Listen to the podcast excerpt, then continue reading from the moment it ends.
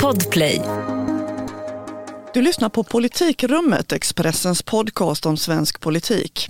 Vad hände egentligen på Moderaternas valkonvent? Hur är stämningen i det största oppositionspartiet? Och är Socialdemokraterna på väg att bli NATO-förespråkare? Vem av S-topparna är det som är drögen i de säkerhetspolitiska förhandlingarna? Jag säger som Viktor Bartkron brukar säga, häng med!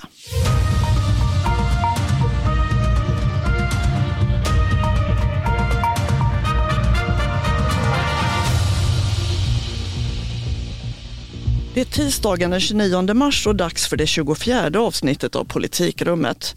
Vår ordinarie poddledare Viktor Bart Kron, han har tappat rösten så att vi får försöka lösa det här på egen hand. Du, Thomas Nordenskjöld, hej! Ja, jag är här. Rösten håller, hoppas jag. och jag, Helena Gissén. Förra tisdagen pratade vi lite grann om Moderaternas tuffa opinionsläge inför deras stora valkonvent och Sverigemötet som hölls i Örebro i helgen. Du var ju där Thomas, hur var det egentligen? Jo, men de gjorde ju verkligen allt för att det skulle vara festligt. Det var ju eh, en sån amerikansk inramning med ett riktigt valkonvent med konfetti och så. Mm. Eh, hade någon sagt till mig att det här var året jag skulle gå på en E-Type-konsert hade jag nog haft svårt att tro det. Men E-Type spelade. Eh, de har ju annars svårt i Moderaterna med det här med artister. Det, det brukar ju vara så, eller det, det, är ju så att de kanske mera kända och något mer hippa artisterna tenderar att vara vänster. Och när Moderaterna då som ganska nyligen när de skulle spela, låna en låt från First Aid Kit så blev de mer eller mindre stämda. Men nu var det istället E-Type. Jobbigt för dem. Lyckades E-Type få igång stämningen då? Nej, men de gjorde ju allt eh, från partiledningen för att gjuta mod i partiet. Eh, hela valkonventet inleddes med en gospelkör som sjöng Oh happy day.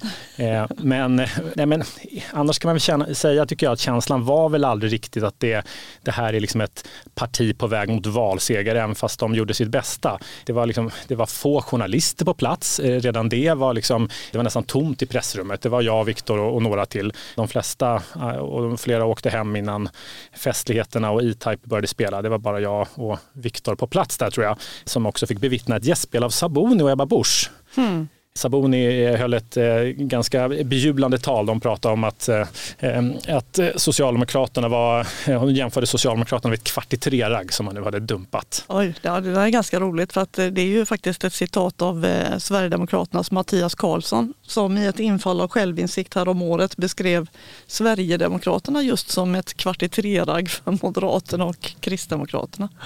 Nej, men, ja, nej, men annars hade, kan man väl säga tycker jag att det alltså partiet lider ju av ganska dåligt starkt självförtroende, det är tydligt. Det är en väldig kontrast när man pratar med ledande socialdemokrater så brukar de prata om hur ja, hur dåliga de tycker att Moderaterna är. Inom Moderaterna är det ju, det är inte så att de har liksom några höga tankar om Socialdemokraterna egentligen, men de har ju väldigt stor respekt för det socialdemokratiska valmaskineriet. Och, eh, ja, men, och alla ser ju vart mätningarna pekar. Alltså det går ju, Andersson drar ifrån. Och det här skapar ju en oro och frustration och den var ju påtaglig där.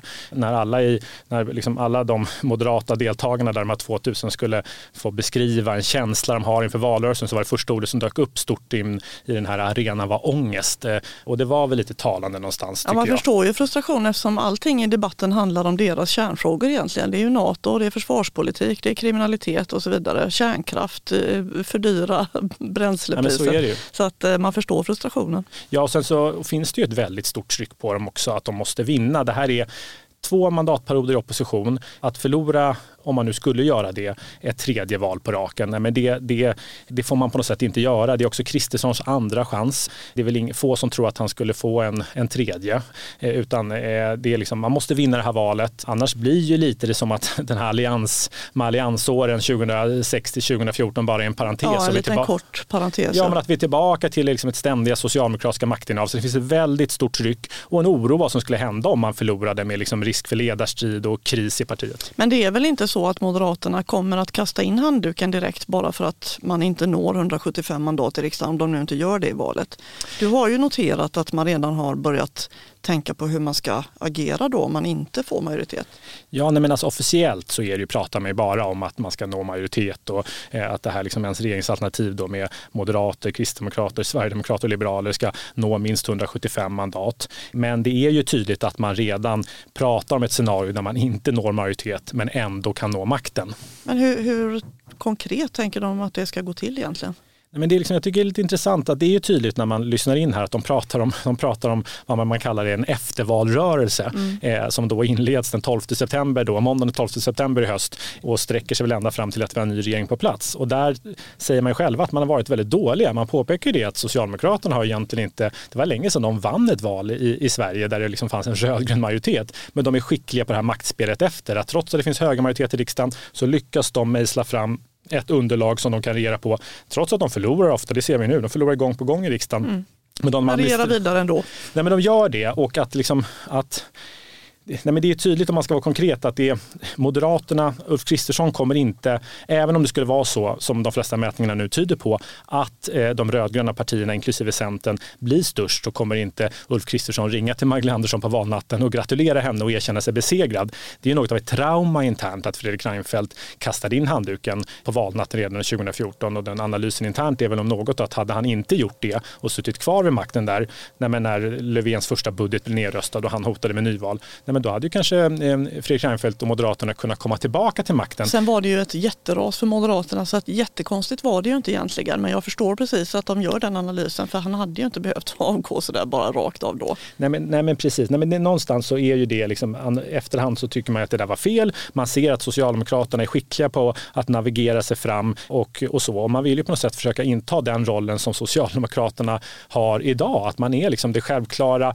eh, statsbärande partiet oavsett hur majoritetsförhållandena ser ut i riksdagen. Och det man hoppas på är ju att den här låsningen mellan Centerpartiet och Vänsterpartiet, eh, där då eh, Vänsterpartiet kräver ett samarbete och inflytande och Centerpartiet är lika tydliga med att de inte ska få det, eh, att den låsningen och även en splittring man tycker sig se inom Centerpartiet, att den ska innebära en möjlighet för Moderaterna även om de rödgröna partierna är större. Men de borgerligt lagda centerpartister ute i landet som jag har pratat med, de tror liksom ändå inte att den där möjligheten finns. När man frågar om splittringen så de säger att visserligen lantbrukare och skogsägare och andra som är missnöjda, de, de, är, de är det. De, eh, men de kommer att gå till ett annat parti. De menar att eh, Annie Lööf har en fortsatt väldigt stark ställning som ledare i, i Centerpartiet och att hon har målat in sig i, i det här rödgröna hörnet och kommer att stanna där. Och visst finns det väl ändå mycket som talar för det. Mm. Men, men, vad, men vad säger de då om, för det tycker jag, det är ändå liksom det som hände där i höstas var ju intressant när Annie Lööf och Centerpartiet för, ja jag tappat, jag vet inte vilken gång i ordningen det var, men när man släppte fram Magdalena Andersson och Socialdemokraterna igen till makten,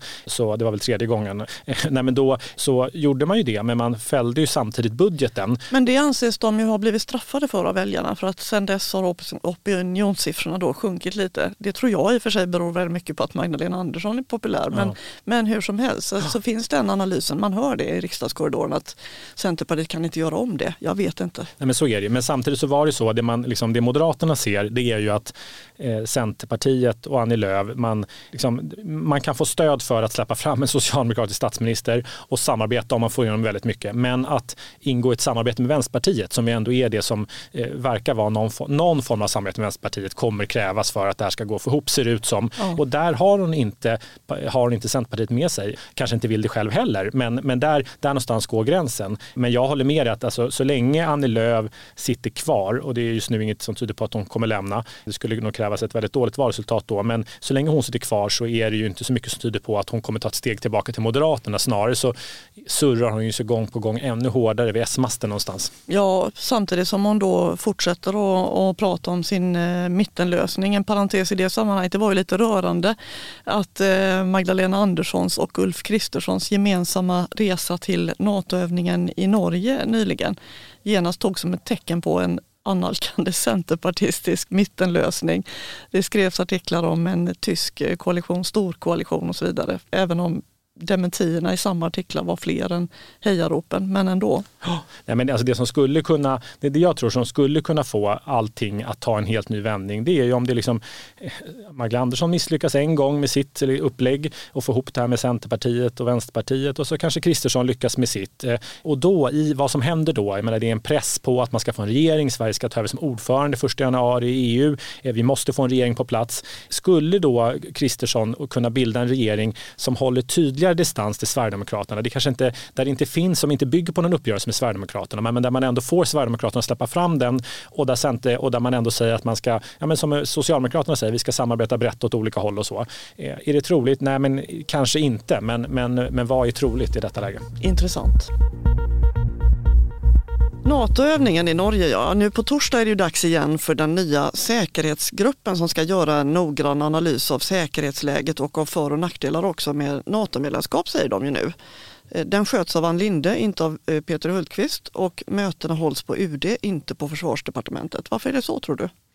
Nej, men det är ju inte bara försvarspolitik som det här handlar om. Det här är ju någonstans det största vägvalet som Sverige har att fatta beslut om sen, sen EU-inträdet 1995. Eh, nu får vi se vad, vad, allt det här tar vägen men, men eh, det är ju, jag tycker, alltså, allt fler inom Socialdemokraterna tror ju också här att, det liksom, eh, att, det, att man kan vara på väg att, eh, att ompröva synen på, på Nato. Att det i så fall ja, men, ja, kan komma ganska snart, redan till sommaren. Man hör inte så mycket debatt dock.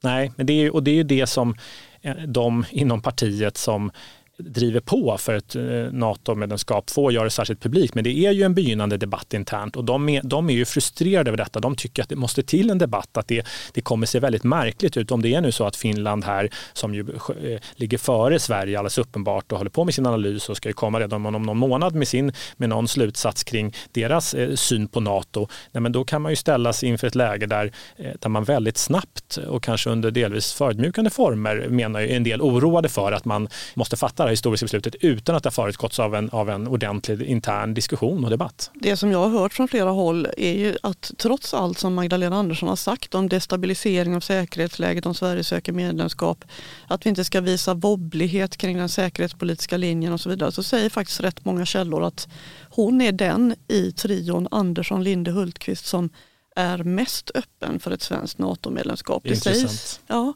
man eh, hör att eh, när eh, det refereras interiörer från olika möten så, så ska det vara så då att Magdalena Andersson känner en uppriktig rädsla för den här situationen eh, med Ryssland och att vissa menar då att hon är inte lika belastad som äldre socialdemokrater eh, av det förflutna utan hon kan tillåta sig att omvärdera. Vad tror du om det? Vad hör du? Ja, nej men, alltså, så kan det vara. Samtidigt så tycker man ju då att rent politiskt så är det ju märkligt. Alltså det, nu, nu var det ju så någonstans får man ändå säga, fast hon inte själv vill erkänna att det var ett misstag när hon sa det där med destabilisera, men det tog hon ju delvis tillbaka. Hon har i alla fall inte sagt det igen sedan dess. Nej, men det är ju tydligt att det rör på sig tycker jag. Och alla nu inom partiet som är intresserade av de här frågorna försöker ju tolka nyanser när Andersson uttalar sig, eller Peter Hultqvist och Ann Linde. Och det är ju väldigt tydligt att det sker en, det har skett en påtaglig glidning i språket. Även Peter Hultqvist har ju gjort det. Sen anses ju Linde vara mer öppen än Peter Hultqvist eh, samtidigt som då Peter Hultqvist då ha, anses ha en starkare ställning internt än vad Linde har. Ja, Sveriges Television hade ju ett specialprogram om eh, säkerhetspolitiken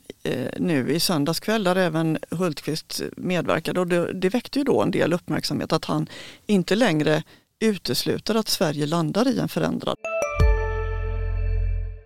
Har du också valt att bli egen? Då är det viktigt att skaffa en bra företagsförsäkring. Hos oss är alla småföretag stora och inga frågor för små. Swedeas företagsförsäkring är anpassad för mindre företag och täcker även sånt som din hemförsäkring inte täcker. Gå in på swedea.se företag och jämför själv. Just nu pågår vår stora season sale med fantastiska priser på möbler och inredning. Passa på att fynda till hemmets alla rum, inne som ute, senast den 6 maj. Gör dig redo för sommar. Välkommen till Mio. hållning. Det tolkades ju som att han inte utesluter medlemskap. Även om han fortfarande gärna pratar om sina 20 bilaterala eh, avtal. Det var en, eh, en eh, NATO-anhängare i riksdagen som skulle beskriva Hultqvist när jag eh, bad dem jämföra då Linde, Hultqvist och Andersson som beskrev Peter Hultqvist som en drög. Har du hört det ordet någon gång? Nej, jag har inte det. jag var faktiskt tvungen att slå upp det, men det ska då vara en grov arbetskälke som används för att släpa sten i åkrar till exempel.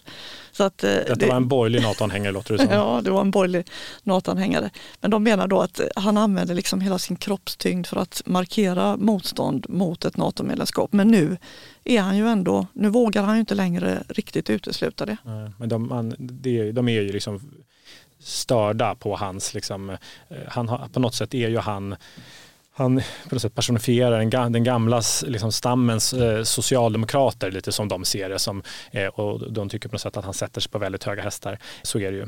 Det väckte ju även en viss förvåning då att Per Bolund i, i det här programmet stod och skröt om rekordupprustning av försvaret och att eh, Nooshi Dadgostar inte heller precis uteslöt en positions positionsförflyttning. Men man frågar sig, har hon verkligen partiet med sig? Ja, det har hon inte alltid. Nej, men det är ju så, alltså det, jag tror verkligen att det är så. Det tycker jag alla, när man pratar med ledande företrädare från regeringskansliet och inom Socialdemokraterna och olika partier så är ju det, är, det här avgörs i stor utsträckning av vad, det som sker i Helsingfors och Finland. Och svänger Finland, ja men då kommer Socialdemokraterna svänga i den bilden jag får av Socialdemokraterna. Och man kan ju inte utesluta att, eh, jag menar, det, det pågår en process där även de gröna i Finland har, har, håller på att ompröva sin syn. Man kan ju inte utesluta att det sker en bredare omprövning och att det skulle till slut ske i en ganska bred samförstånd. Jag har svårt att tro att Vänsterpartiet och Miljöpartiet i Sverige skulle ställa sig bakom en svensk NATO-ansökan. Men, men, man vet ju inte. Jag tror att när Finland väl svänger, om de nu gör det, Då kan det, det, hända grejer. det är ett helt nytt läge. Men det är intressant det här med Hultqvist. Han är, liksom, han, han är ju ändå defensiv, men det här som inte då fick vara en NATO-analys för, för några veckor sedan är ju nu en analys även om NATO,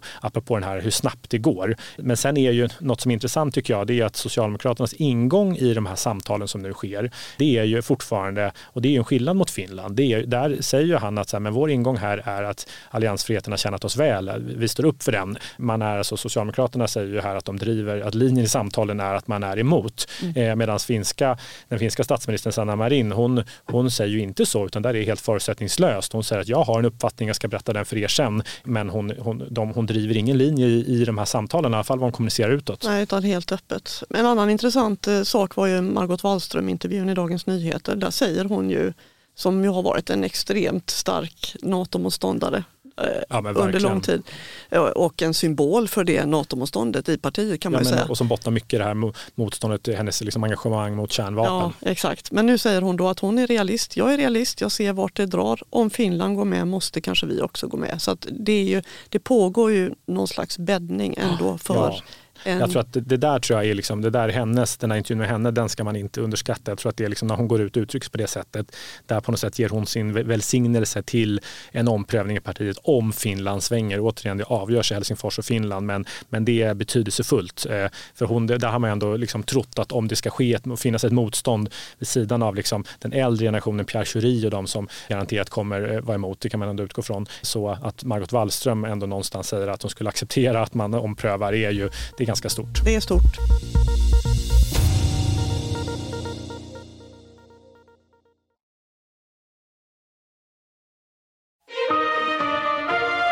Förra veckan nämnde ju du att Magdalena Andersson hastigt och lustigt mitt i den här krisen har bytt statssekreterare med ansvar för utrikesfrågor. Den gamla Karin Wallensten, hon ska bli ambassadör i Brasilien och den nya Oskar Stenström har tagits hem från ambassaden i Chile. Vi vet ju inte, men man kan ju spekulera i att detta har koppling till statsministerns mindre lyckade start i hanteringen av Ukraina-krisen. Det var ju lite olika saker där. Till exempel så eh, när krisen eskalerade i februari så höll hon en presskonferens där hon stammade lite och skrattade nervöst kring luddiga formuleringar av vad Putin egentligen höll på med och sen kom det här med eh, huruvida en svensk NATO-ansökan skulle destabilisera regionen och så vidare. Nu till kremlologin då om uttrycket tillåts i dessa tider. Nu har en av Socialdemokraternas få öppna NATO-anhängare Daniel Färm som är politisk redaktör på S-tidningen Aktuellt i politiken. Han har skrivit i Svenska Dagbladet att argumenten mot medlemskap har försvagats och den artikeln har gillats och kommenterats på Färms Facebook-sida av bland andra Oskar Stenström. Ja men det är intressant, eh, sånt noterar vi här. Det är ju, nej men det är klart att alltså Oskar Stenström är ju, tycker jag, eh, att han nu kommer in eh, och ersätter Karin Wallensten, det är intressant. Det här är ändå liksom när det gäller makten och utrikespolitiken så är det här ja, vid sidan av utrikesministern och det är, liksom, ja, men det är en väldigt viktig statssekreterarposterna runt statsministern är ju de mäktigaste tjänstemännen i landet och han har, eh, han har en egen maktbas och ställning i partiet. Han har gjort en lång karriär. Det pratas ju redan eh, bland vissa eh, att han är en framtida tänkbar utrikesminister till och med. Eh, Karin Wallensten då som nu har lämnat och ska gå till, åka till Brasilien, hon är ju mer hon är mer av en tjänsteman eh, och han är mer av en politiker. Och han hade väl inte kan man tänka sig då gått in och uh, uttryckt sin uppskattning. Han skrev ju också en kommentar att det här var en jätteintressant artikel och så här, mm. i en NATO-förespråkande artikel. Det hade väl inte han gjort om han hade varit en, en inbiten NATO-motståndare man kan tänka Nej, sig. det måste man väl ändå tolka det så. Och en annan som eh, likade den där artikeln på Facebook, det var statssekreteraren för EU-frågor, också på statsrådsberedningen men hos Hans Dahlgren då, Paula Carvalho. Och, eh, och, med tanke på hur knäpptyst det är i övrigt i partiet kring det här med NATO-medlemskap och det är ju egentligen ingen debatt så kan man ju roa sig med att hålla på och tolka de här sakerna. På skvallerkontot här kan man tillägga då att utrikesministerns make Mats Eriksson som är politisk sekreterare tror jag på LO. Och en flitig twittrare. Ja, mycket. Eh, att han också tackade för den här artikeln. Vad tänker du om det?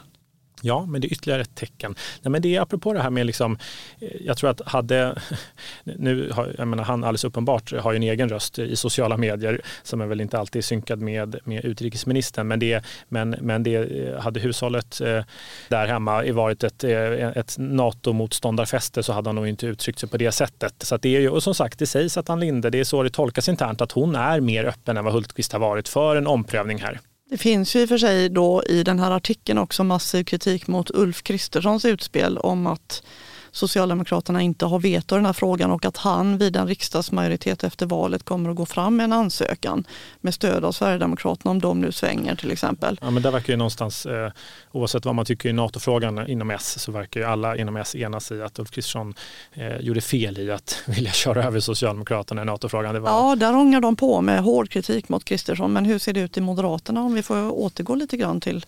Nej, men min, jag vet att, menar, alltså min bild är inte att det finns enstaka, jag pratade med väldigt många när jag var på Sverigemötet och valkonventet här, väldigt många moderater och bland annat om detta såklart. Och eh, min bild är att det finns en bred uppslutning kring att flytta fram positionerna i NATO-frågan. Snarare så finns det de som har varit kritiska mot att man inte gjorde det tidigare. När det började ske en omprövning i, i Sverigedemokraterna och Ulf Kristersson sa att vi inte ska söka konflikt i den här frågan. Nej, men då, med tanke på hur mycket det rörde på sig så uppfattades ju det nästan i den här nya kontexten som ett steg tillbaka. Mm, nästan eh, defensivt. Liksom. Ja, men väldigt defensivt intensivt och det fanns ett behov. Men sen kan väl alla se att det kanske inte, jag vet inte hur lyckat detta blev. För det som har hänt är ju att en del mer NATO-positiva debattörer så har liksom tagit avstånd från ja, detta. Carl Bildt till exempel. Ja, men det uppfattas som att Carl Bildt, det försöker Moderaterna tona ner väldigt mycket, men, men, men Carl Bildt har ju varit väldigt tydlig med att eh, dels det måste ske i samförstånd med Finland detta. Där kunde man tolka den här artikeln från Ulf Kristersson på lite olika sätt, eh, men det lät ju på den, i den mm. som att inte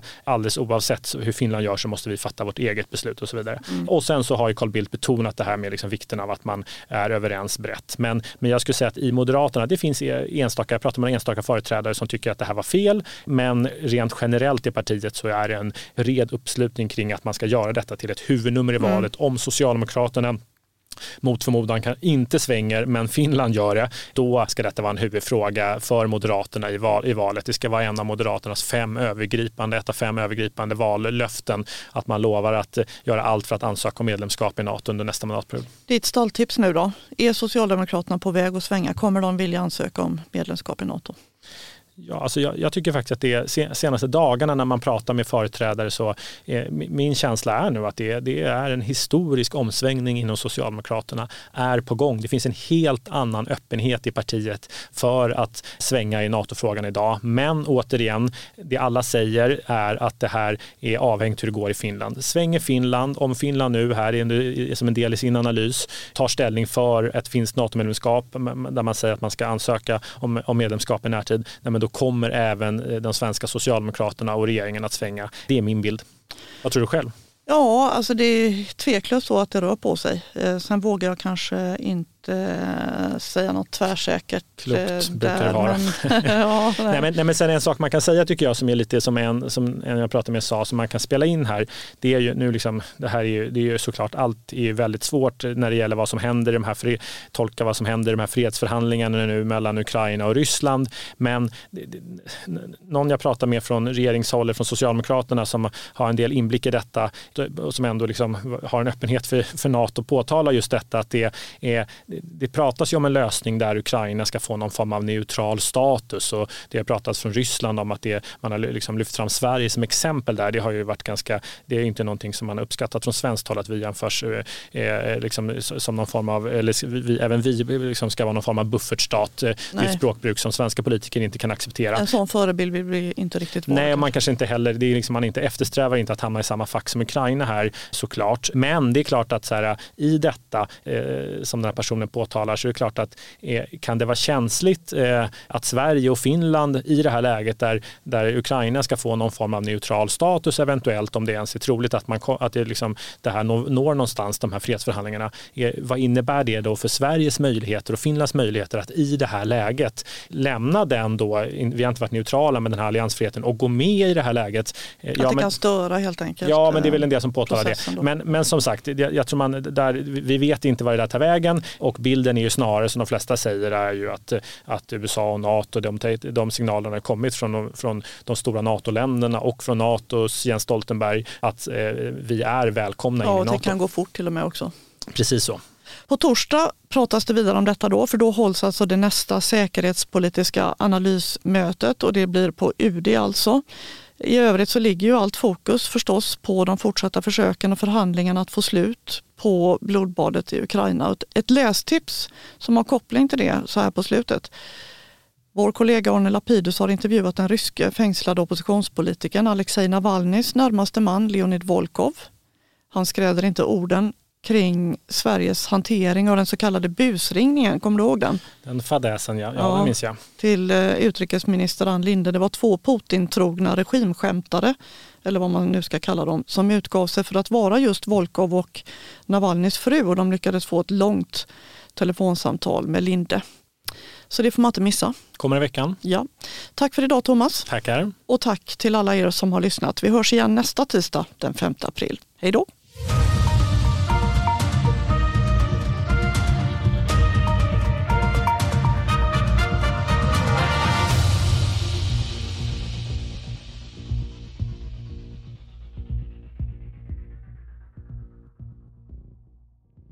Du har lyssnat på en podcast från Expressen.